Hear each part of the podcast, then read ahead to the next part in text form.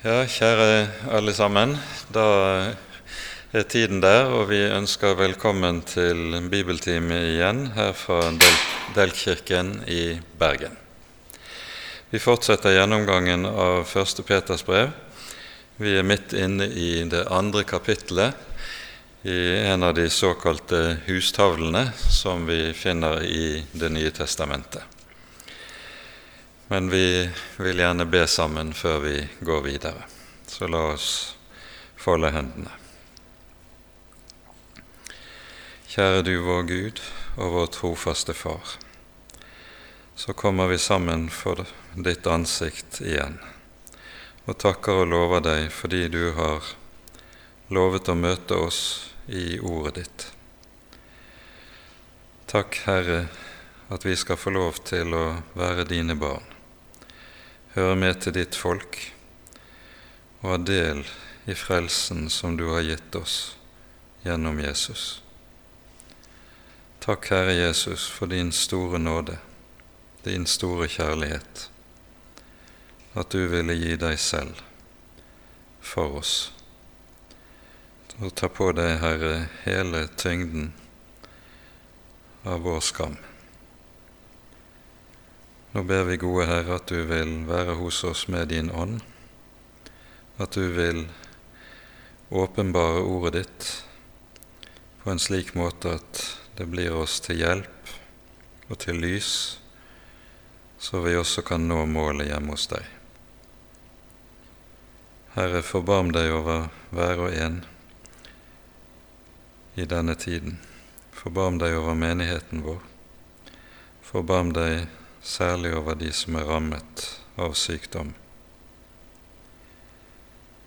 Så legger vi oss selv og alt vårt i dine hender, og takker og lover deg, Herre, fordi du er god, og din miskunnhet varer til evig tid.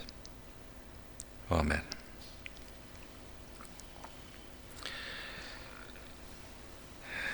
Det er altså slik at dette avsnittet som vi nå er inne i i 1. Peters brev, det hører med blant de avsnittene som kalles for hustavler i Det nye testamentet.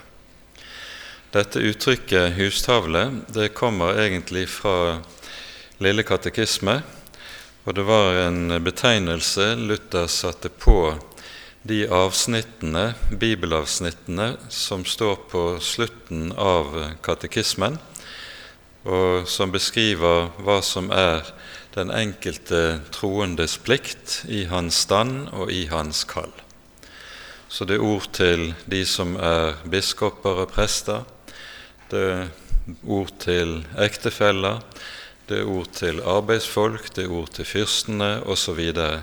så hver enkelt stand og hver enkelt kall får sine skriftord som de skal ta til hjertet. Og så eh, har Luther også laget et lite vers som eh, står i tilknytning til dette. Når hver sitt Guds ord lære vil, da står det i huset riktig til. Og Da er poenget det at uh, da skal hver enkelt ta til seg det Guds ord som er rettet til ham, og ikke bruke de øvrige Guds ord som er rettet til andre i andre kall til å slå dem i hodet med det. Poenget er hver skal ta til hjertet det ordet som er rettet til ham eller til henne, i den stand og i det kall som vedkommende er satt i.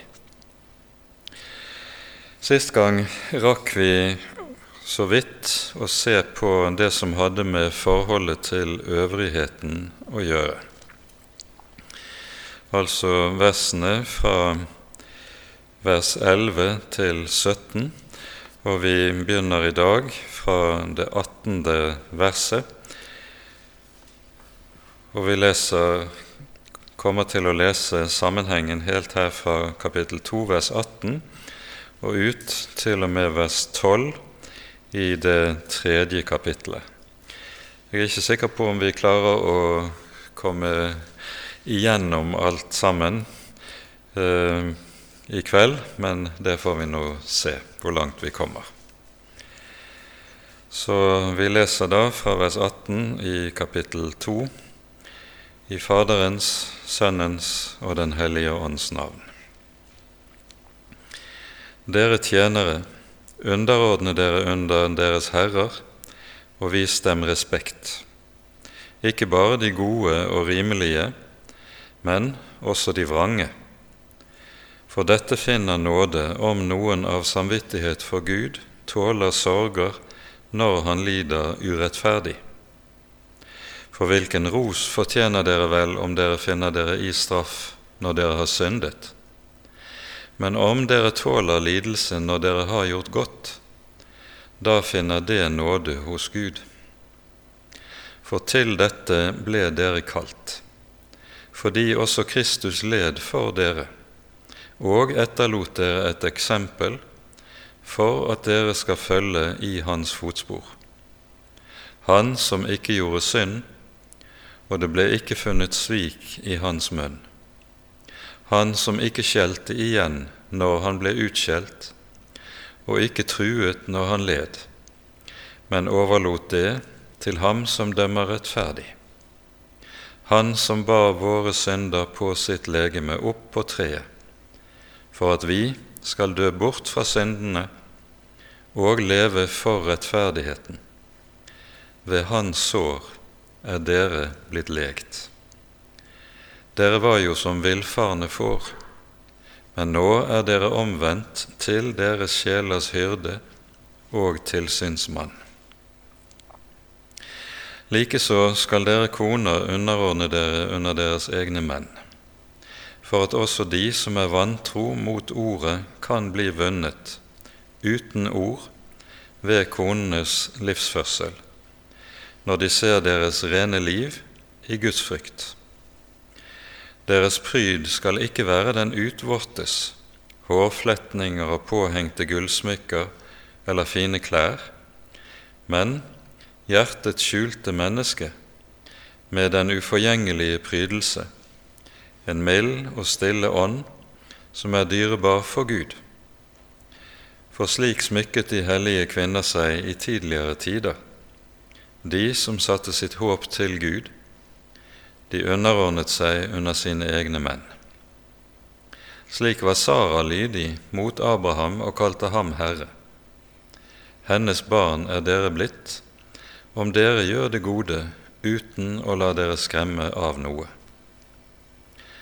Så skal også dere ektemenn leve med forstand sammen med deres koner, som det svakere kar, og vis dem ære for også de er medarvinger til livets nåde, for at bønnene deres ikke skal hindres. Til slutt, ha alle ett sinn, vær medlidende, kjærlige mot brødrene, barmhjertige og ydmyke, så dere ikke gjengjelder ondt med ondt eller skjellsord med skjellsord, men heller velsigner for dere er selv kalt til å arve velsignelse.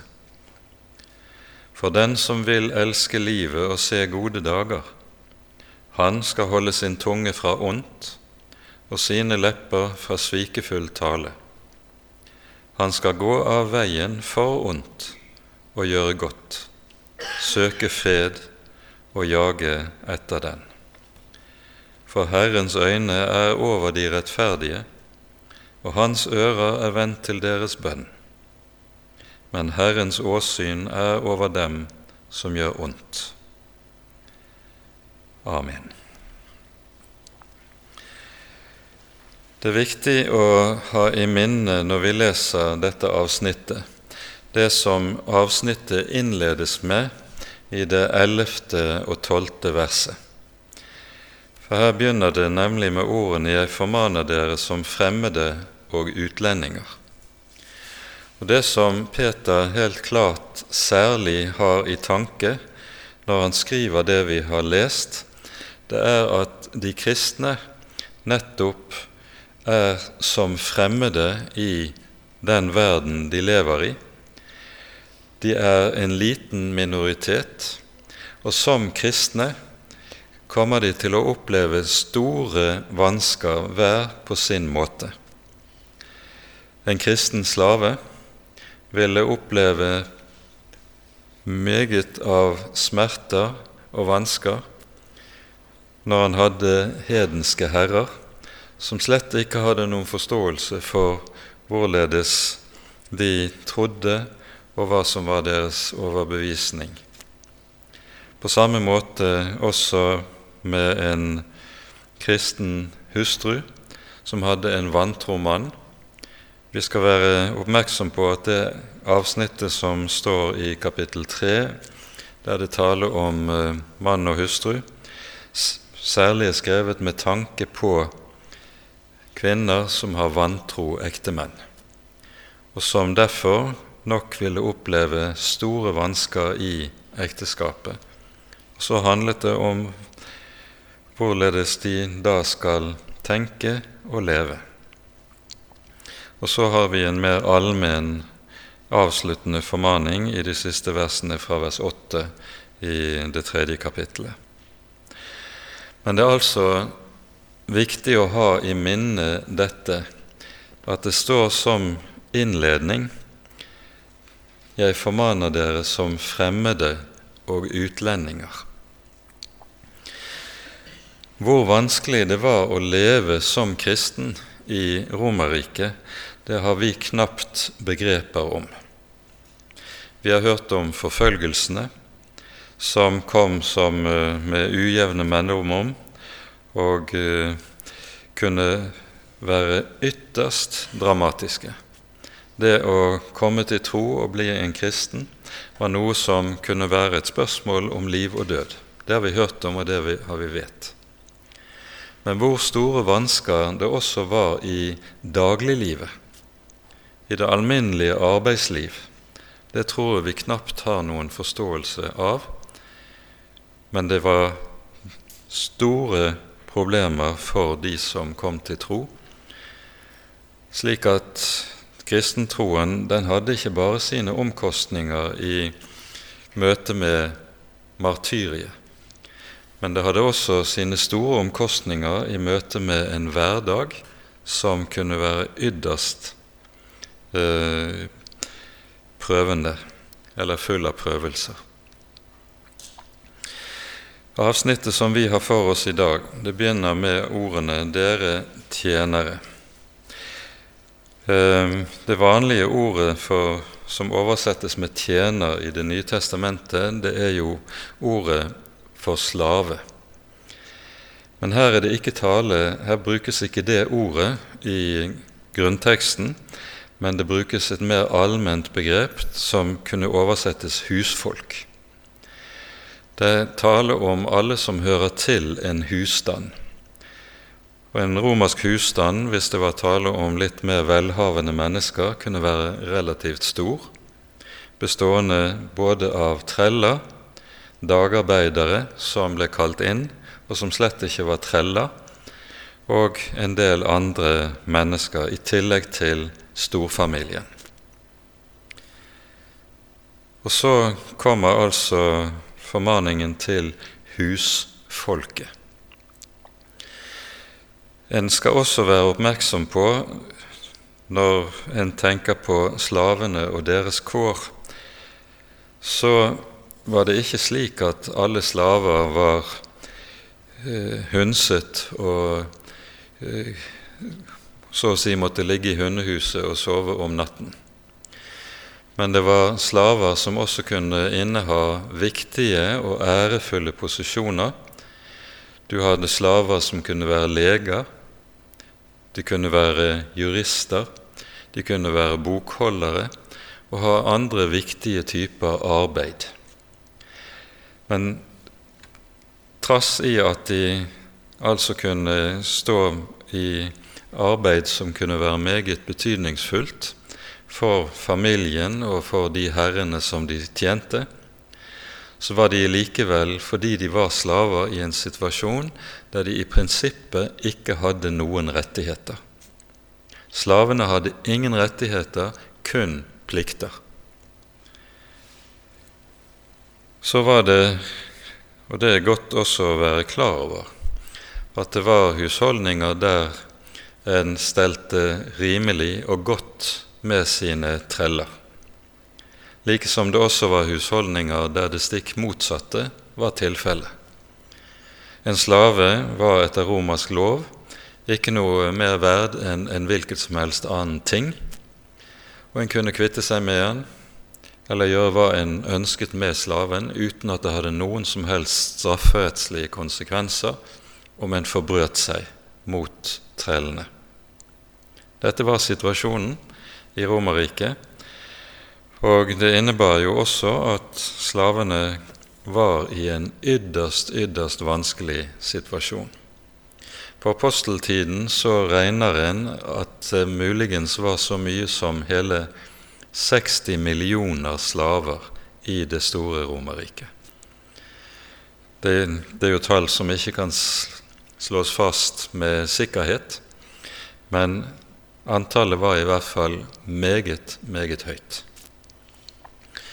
Og rundt en 70-80 år før Kristus var det jo et veldig opprør fra de romerske slavene sin side. Jeg tror en del av dere har hørt om Spartakus-opprøret, som var litt av en prøvelse for Romerriket. Eh, Roma og det romerske riket var i en periode på noen år sterkt truet på sin eksistens av det opprøret, som til slutt ble slått ned med en voldsom brutalitet.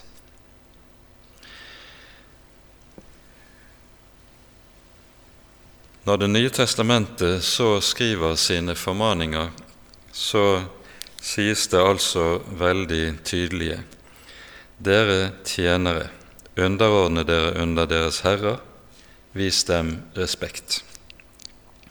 I og med at det her er brukt ordet husfolk, så er det i enkelte oversettelser også oversatt med ordet arbeidere. Dere arbeidere, vis deres arbeidsgivere den nødvendige respekt og lydighet. For her er det slik at Det nye testamentet tenker på en måte som vi nok ikke er helt eh, vant med. Nestekjærlighetsbudet har det med seg at det sier at den grunnleggende innstilling ethvert menneske har og skal ha til andre mennesker, det er at 'jeg er min nestes tjener'. Det er det som ligger i nestekjærlighetsbudet, som når du elsker din neste, så skal du også tjene din neste. Men nestekjærlighetsbudet er jo et allment bud, meget generelt. Og det er lett nok å si du skal elske din neste som deg selv. Men nestekjærlighetsbudet får sine konkrete ben å gå på inn i ditt daglige liv og virke. Hvorledes tjener du din neste på din arbeidsplass? Enten du nå er på fabrikk, eller du er bussjåfør, eller du er skomaker, eller sykepleier. Det kan være hva som helst. Da er den grunnleggende innstilling at en skal se på de som en arbeider for og sammen med, som jeg skal tjene dem til deres beste. Det handler altså ikke om å søke sitt eget, hvor en enn er. Det har vært sagt i en uh, sammenheng slik at hvordan viser skomakeren sin nestekjærlighet? Jo, ved å lage sko som er gode å gå i. På den måten så tjener han sin neste. Det er en meget konkret anvendelse av budet, og det er dette det dreier seg om, ganske konkret. Dette betyr også at Det nye testamentet har ikke noe sosialrevolusjonært budskap. Det nye testamentet taler ikke om og maner til at de troende skal arbeide på politisk forandring i det romerske riket. Det som skjer i Romerriket, det er jo etter hvert, at etter hvert som kristentroen utbrer seg og når flere og flere mennesker, så fører det i sin konsekvens til at slaveriet blir opphevet. Men det tar enda noen år. Det som de kristne i stedet skal tenke, det er at hvor jeg nå enn er plassert i livet, så er det Gud som har plassert meg der hvor jeg er, og så skal jeg tjene min neste i den stand og det kall jeg så er blitt plassert i. Paulus er inne på noe av dette også i 1. Korinterbrev i det syvende kapitlet. Og Her leser vi et par vers. Ehm, her taler han både om det som vi kommer til, nemlig om eh, troende eh, ektefeller med vantro menn eller kvinner. Og så tales det også om trellene. Fra vers 20 i 1. Korinterbrev 7 skriver Paulus slik.: Enhver skal bli i det kall han var i, da han ble kalt. Var du trell da du ble kalt? La det ikke bekymre deg, men kan du bli fri, så gjør heller bruk av det. Og det var jo anledning for treller til å kunne bli frigitt. For den som var trell, for den som var trell da Herren kalte ham, han er Herrens frigitte. Og motsatt, likeens er den frie som ble kalt, Kristi trell. Poenget i det som Paulus skriver, samles så i det neste verset dere er dyrt kjøpt. Bli ikke menneskers treller. Den som hører Herren Jesus til, han er blitt fri. Han har en indre frihet, selv om han ytre sett skulle være i lenker. Og motsatt, den som er fri, han skal vite at han er Kristi trell, han er bundet under Kristi lov når det gjelder det daglige liv, i plikten til å tjene sin neste. Og dette er det som er noe av den grunnleggende tankegang som styrer det som Peter har å si i denne sammenheng. Dere tjenere, underordne dere under deres herrer, vis dem respekt, ikke bare de gode og rimelige, men også de vrange. For dette finner nåde, sier, sies det så i det neste verset.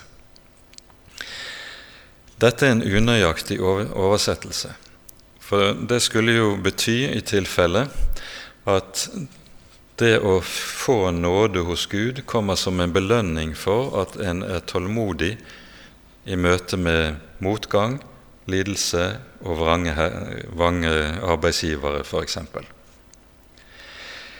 Bokstavelig står det i grunnteksten 'Dette er nåde'.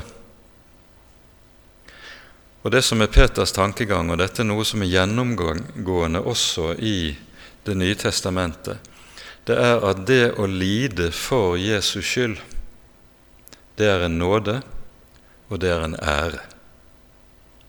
At det er en ære, det er noe som settes ord på når Peter og Johannes har vært forhørt for Det høye råd. De forbød dem å tale i Jesu navn, noe de absolutt ikke vil adlyde, for, sier de, en skal lide Gud mer enn mennesker. Og så får de stokkeslag av Det høye råd og sendes på dør.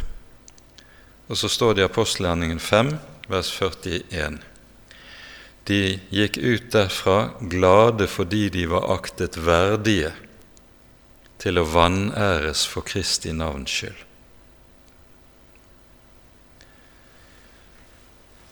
Da skjønner vi hvordan Peter kan skrive sånn som han gjør her. Dette er nåde.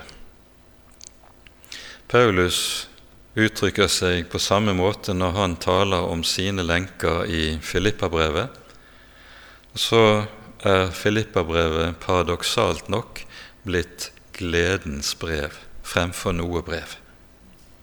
Og det er nettopp fordi Paulus har den samme grunnleggende innstilling. Han vet hva lidelse for Kristi skyld er. Dette er nåde. Om noen av samvittighet for Gud tåler sorger når han lider urettferdig.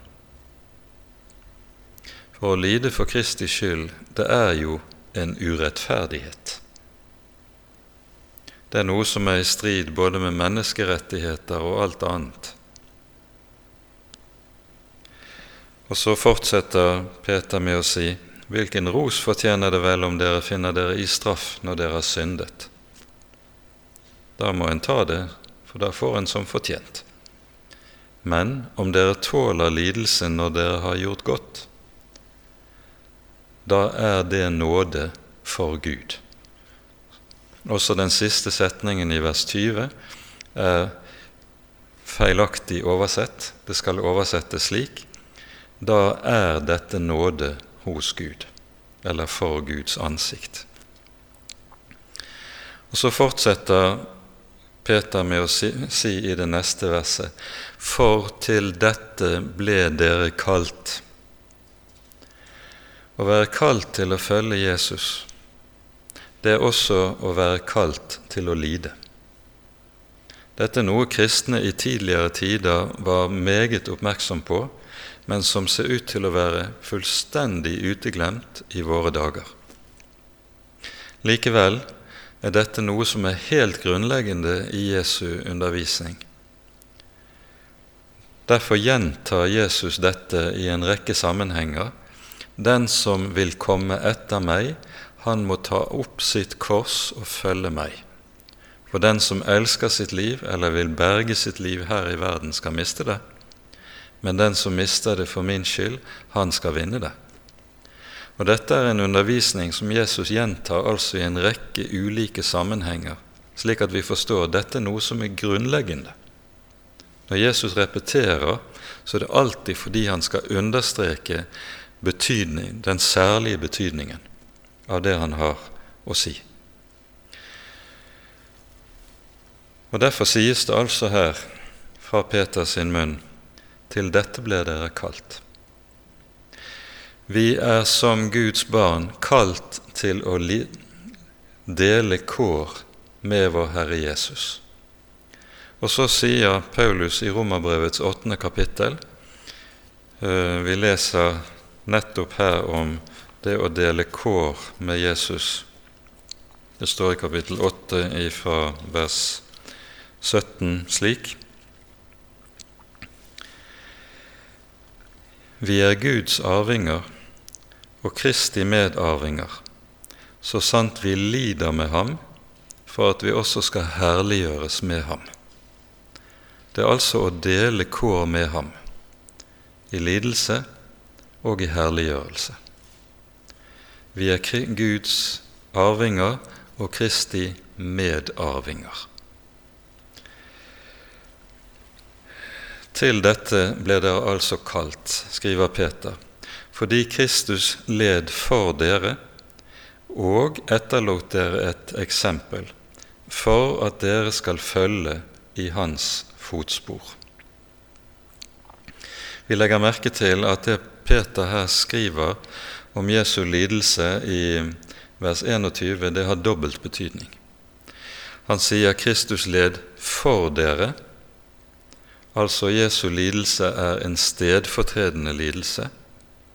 Og for det andre han etterlot det et eksempel. Jesu lidelse er også et eksempel og et forbilde for oss. Så Peter peker på to betydninger av Kristi lidelse og av Kristi kors i dette verset. Viktig å legge merke til. For at dere skal følge etter i hans fotspor. Og så tegnes Jesus for våre øyne i sin lidelse. Og da velger Peter ord ikke fra sitt eget minne om hva som skjedde langfredag i Jerusalem, men han henter ord for å beskrive dette fra Jesaja-bokens 53. kapittel. Det er jo slik at det er Det gamle testamentet som tolker Jesu lidelse. Det er Den gamle testamentets ord som gir oss betydningen av hva som gis oss i og med Kristi liv og død og oppstandelse. Så brukes Det gamle testamentets ord her nettopp for å gi oss nøkkel til å forstå det som skjer i forbindelse med langfredag, Jesu død og deretter oppstandelsen. Han som ikke gjorde synd, og det ble ikke funnet svik i hans munn. Jesaja 53,9. Han som ikke skjelte igjen når han ble utskjelt, ikke truet når han led, men overlot det til ham som dømmer rettferdig. Og Den siste setningen er uhyre betydningsfull. Han overlot det til ham som dømmer rettferdig.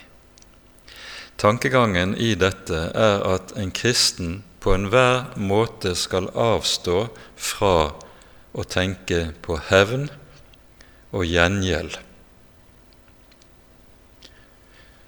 Slik er det fordi Bibelen lærer oss at hevnen hører Herren til. Det er noe som er Guds enerett. Og Derfor har vi, som Hans barn, ingen rett til å ta hevnen i våre hender og gjøre gjengjeld, selv om vi utsettes for menneskers urett og ondskap. Her har vi et viktig forbilde i beretningen om kong David i Det gamle testamentet. Jeg tror dere alle husker fortellingen om årene da David var på flukt for Saul. Og så er han ved en anledning, slik vi leser i 1. Samuel 24, eh, i Judea ørken og skjuler seg i en grotte ved En Geddi. Så kommer Saul inn for å gjøre sitt avtrede. Og så sier Davids menn til han, Nå har Gud gitt deg Saul i din hånd. Nå er tiden kommet, du kan ta ham av dage og selv komme på hans trone. Det gjør ikke David. Han sparer Sauls liv, og etter at Saul har gått ut og kommet et stykke nedenfor, så går David ut og roper etter kongen. Og så viser han Saul, se her, jeg skar en flik av kappen din. Jeg hadde deg i, din, i min makt, jeg kunne tatt deg av dage, men jeg gjorde det ikke. Og så sier David hva som er årsaken. Han sier i vers 13.: Herren skal dømme mellom meg og deg. Herren skal hevne meg på deg, men min hånd skal ikke ramme deg. Og så nedenfor i vers 16.: Så skal da Herren være dommer og dømme mellom meg og deg. Herren skal se til og føre min sak og dømme meg fri av din hånd. David vil altså ikke ta saken i egne hender. Og I dette er han et forbilde og det er jo nøyaktig det samme som Jesus underviser oss om i bergpreken. Dere har hørt det sagt, du skal elske din neste og hate din fiende. Men jeg sier dere, elsk deres fiender, velsign dem som forbanner dere, be for dem som forfølger dere. Dette er Jesu undervisning, som er helt entydig. Og det er denne Jesu undervisning Peter har i minne når han taler slik som han her gjør, at man skal ikke ta igjen, selv om man behandles urettferdig på ulike områder i livet. Og her taler jo Peter rett og slett om arbeidslivet. Han, om Jesus sies det altså at han i sin lidelse overlot dommen til Han som dømmer rettferdig. Og så kommer det i vers 24.: Han som bar våre synder på sitt legeme opp på treet, for at vi skal dø bort fra våre synder og leve for rettferdigheten. Jesus tar som vår stedfortreder all vår synd. Og det Bibelen mener helt bokstavelig alt. All vår egeninteresse, all vår egoisme, alt det at vi søker vårt eget på ethvert område. Vi har et forhold til vår neste som er av en slik art at vi er interessert i vår neste i samme grad han kan være oss til gagn og til fordel. Å elske slik som Jesus lærer oss, det sitter langt inne. Men det er alt dette som kommer av vår egeninteresse og selvsøken, som Jesus tar med seg på korset, og som vi skal dø bort fra. Vi skal dø bort fra det og leve for den rettferdighet som er av Gud, som kommer ovenfra, og som består i kjærlighet til Gud og til vår neste.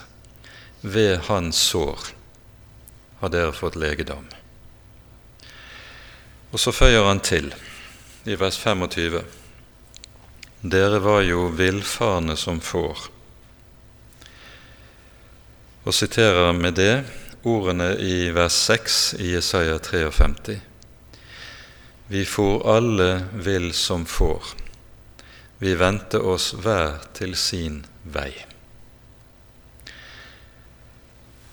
Sauer har det jo med det at er det ingen som leder dem på veien, så går de vill. Det gjør de uvegerlig.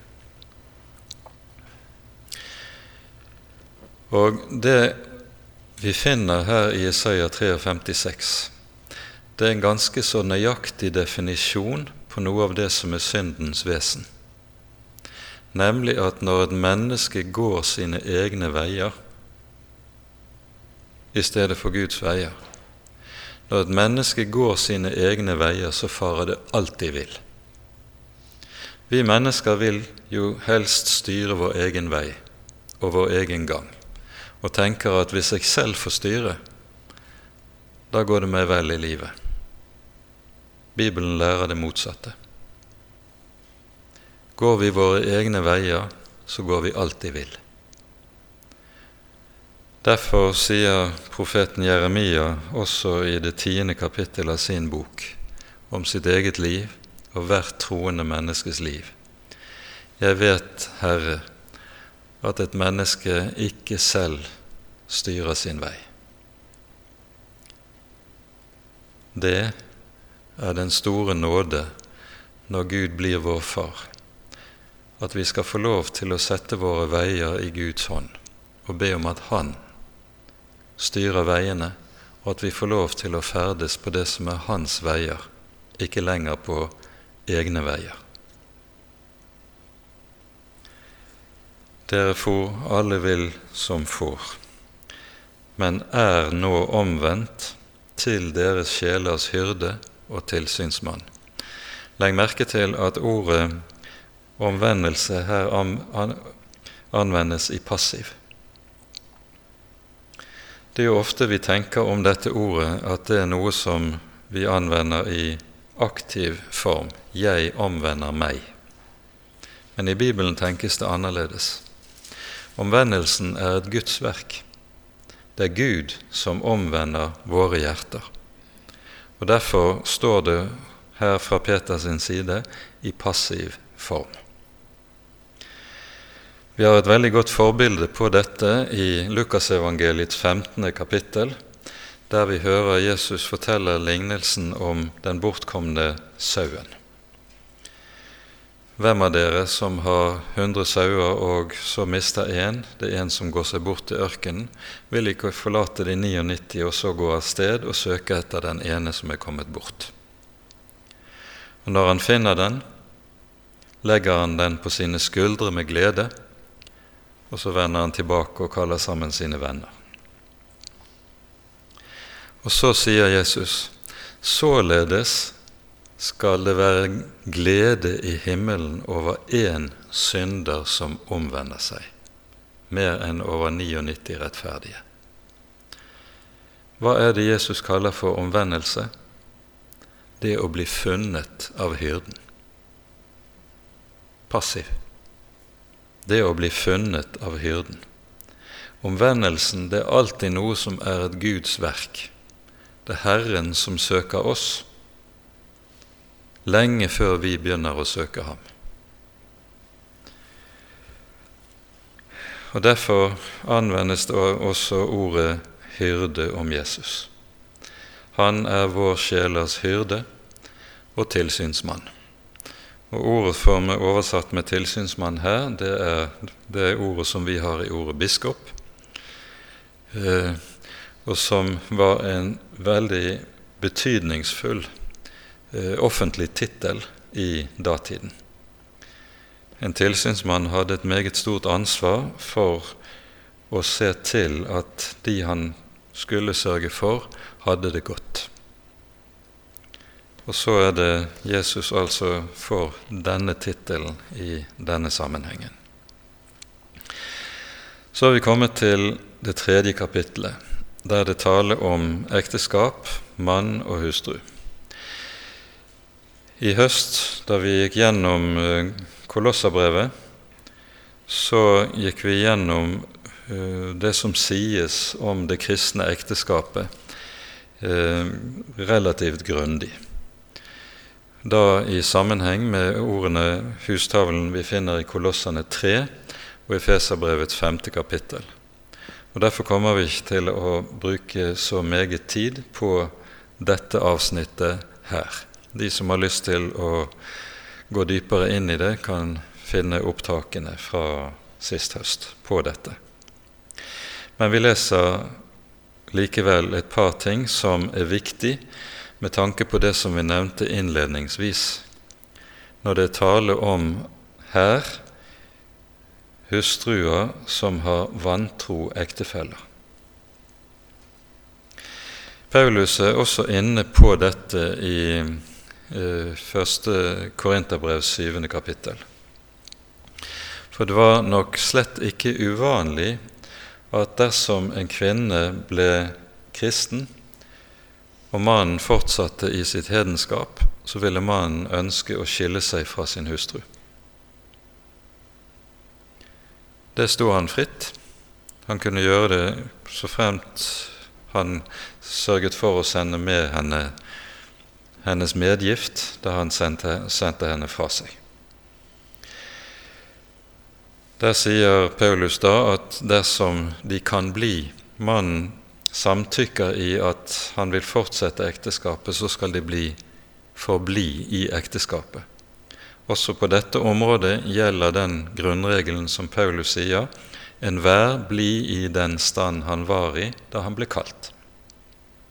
Men dersom ektemannen ønsker å sende henne fra seg, så skal hun ikke lage noe mer uh, ugreie ut av det. Da skal hun gå, selv om det nok vil koste henne svært meget. I Romerriket var det på dette området en betydelig forskjell mellom menns og kvinners rettigheter. Dersom en mann ble kristen, men hans kone ikke kom til personlig tro, så var likevel mannens stilling slik at da ville automatisk hele husholdningen komme inn under hans trosledelse. Og han ville ta med seg, kunne ta med seg sine barn, sin ektefelle, sine treller til kirke. Og det var en selvfølge. Kvinnen, dersom hun ble kristen, men ektemannen ikke ble det, da var hun i en helt annen stilling. Hun hadde ingen rettigheter og ville nettopp på grunn av uh, den plassen de hedenske gudene hadde i den romerske hverdag, komme til å stå i en veldig vanskelig stilling i sitt hjem. Ethvert romersk hjem hadde et husalter med sine husguder. Og det var vanlig eh, å innlede dagen med et lite offer til husets guder, Her var det både tale om forfedreånder pluss andre guddommer. Og når den ene av ektefellene ikke vil være med i dette, så sier det seg selv at det skal, ville skape store vansker i huset og i ekteskapet. Dette er et av de områdene som vi nok ikke forstår hvor vanskelig de første kristne kunne ha det. Men her er det altså at Peter sier likeså skal dere koner underordne dere under deres egne menn. Ordet underordning det er ikke noe annet, har ingen annen praktisk betydning enn det som vi har vært inne på tidligere, at kjærlighetsbudet betyr at man tjener hverandre. I ekteskapet er det en bestemt ordning mellom mann og hustru, en ordning som er gitt av Gud, og der det sies slik i Det nye testamentet Hustruen skal underordne seg under sin egen mann. Mannen skal elske sin hustru slik Kristus elsket menigheten og ga seg selv for den. Mannen viser seg altså som hode i ekteskapet gjennom å elske og gi seg selv, ofre seg selv. Da blir det ikke lenger tale om å herske med overordnet brutalitet. Det er en helt annen ånd som skal råde dersom Jesus får være den som lærer hvorledes en ektemann skal stelle seg og oppføre seg. Så sies det altså de skal underordne seg under de vantro ektemenn, for at de kan bli vunnet uten ord ved konens livsførsel. De formanes altså ikke til å forkynne eller starte diskusjoner i hjemmet. Men gjennom sin egen livsførsel så skal de vise hvorledes det kristne livet eh, skal arte seg, og om mulig vil det gjøre et slikt inntrykk at det kan føre til ektefellens omvendelse. Så skal de altså ikke prøve å holde på sine menn gjennom det som kommer i det tredje og fjerde verset, gjennom all slags forfengelighet. Det nye testamentet, Bibelen ellers, advarer jo sterkt mot alle former for forfengelighet. Når det sies 'deres pryd skal ikke være', og så pekes det på de ytre tingene, hårfletninger, gullsmykker, fine klær osv., så, videre, så sies det ikke med dette at man ikke har lov til å kle seg pent, kle seg ordentlig, pynte seg.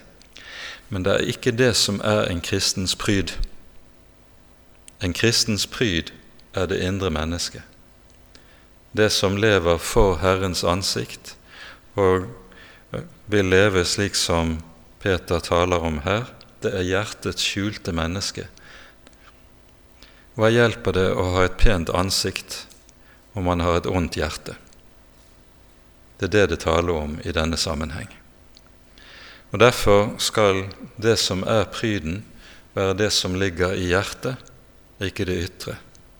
Så skal den kristne frihet ellers råde når det gjelder de ytre ting, samtidig som formaningen til å ta seg i vare for alt som heter forfengelighet, skal stå der. Så følges det videre med en henvisning til Det gamle testamentets hellige kvinner som forbilder. Og det pekes på Sara. De underordnet seg under sine menn. Slik var Sara lydig mot Abraham og kalte ham herre. Um, og så står det under verset i de fleste bibler, tror jeg, en henvisning til Første Mosebok 1812. Og når en slår opp der, så ser en ikke i våre oversettelser at Sara kaller Abraham herre. Men i grunnteksten så står det det, at hun kaller sin mann Abraham for herre. men det sies, kommer altså ikke frem i oversettelsen. Senere, etter det som skjer i Første Mosebok 18, så hører vi at Herren sier til Abraham i kapittel 21.: Lyd Sara i alt det hun sier til deg.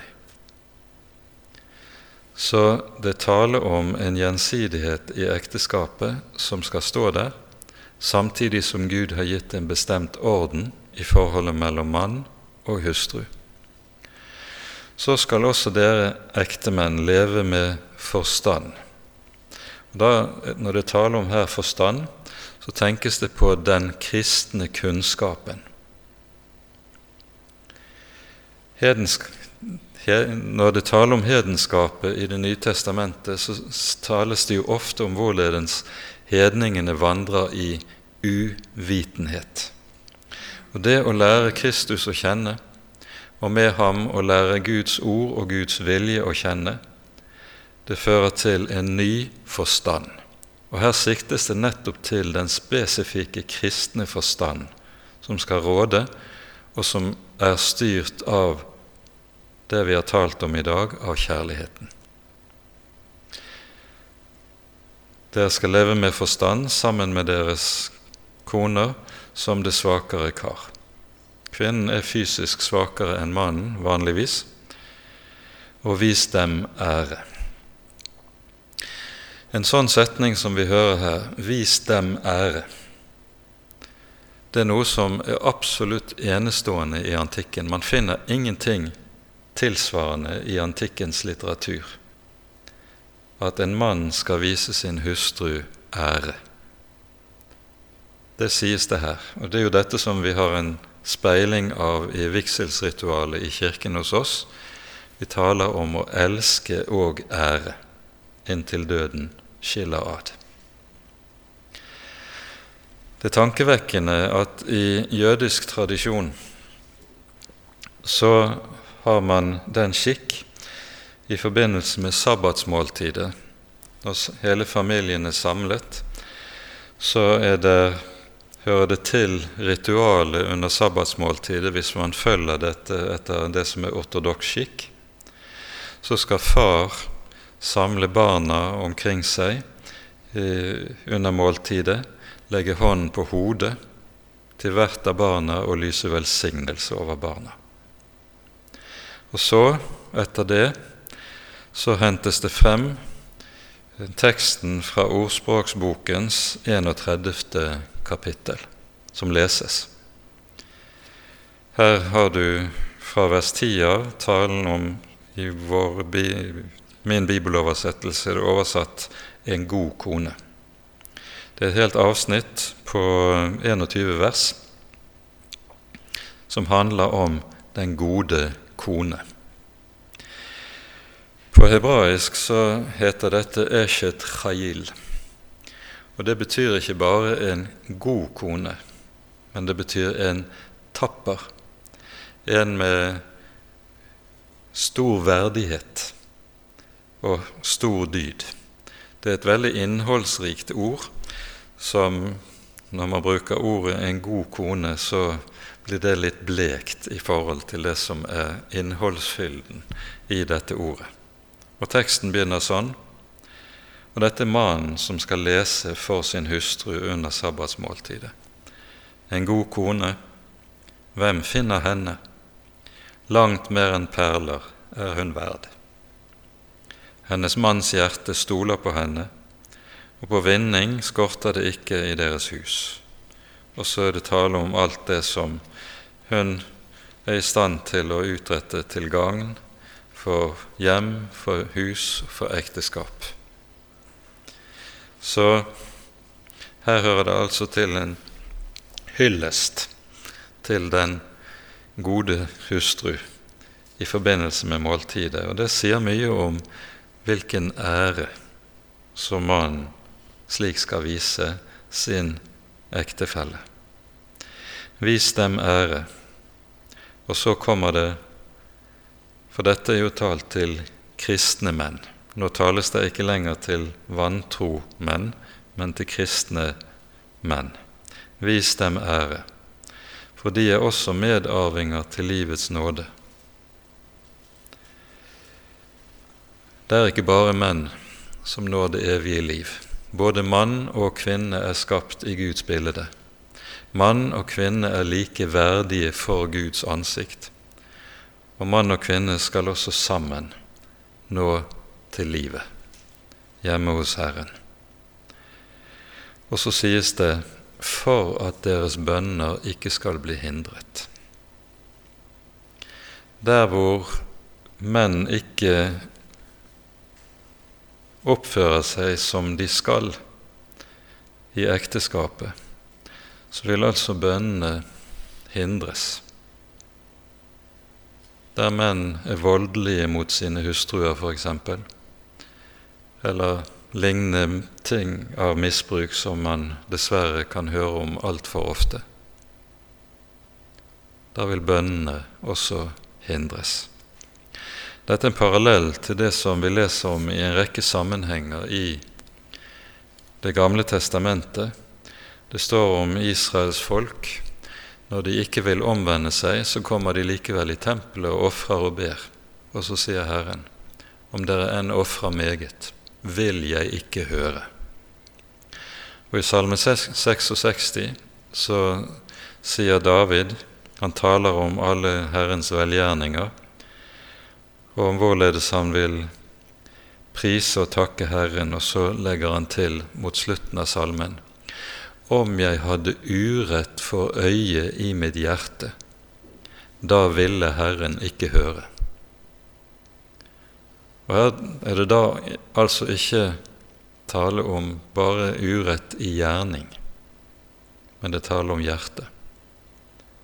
For når vi har med Gud å gjøre, så har vi med Han å gjøre som kjenner våre hjerter inn til det innerste. Hadde jeg urett for øyet i mitt hjerte, da ville Herren ikke høre. Vi rekker ikke mer i dag. Vi må ta de siste versene i dette avsnittet neste gang. Men på denne måten så taler altså Det nye testamentet om veldig konkret om vår hverdag, og om hvorledes vi skal innrette oss i en hverdag og i en virkelighet der det å være en kristen og være et Guds barn kan ha store omkostninger, og der det kan medføre bratte motbakker. Og det er meget konkret. Og den grunnleggende satsen i det som vi har sett på i denne sammenheng.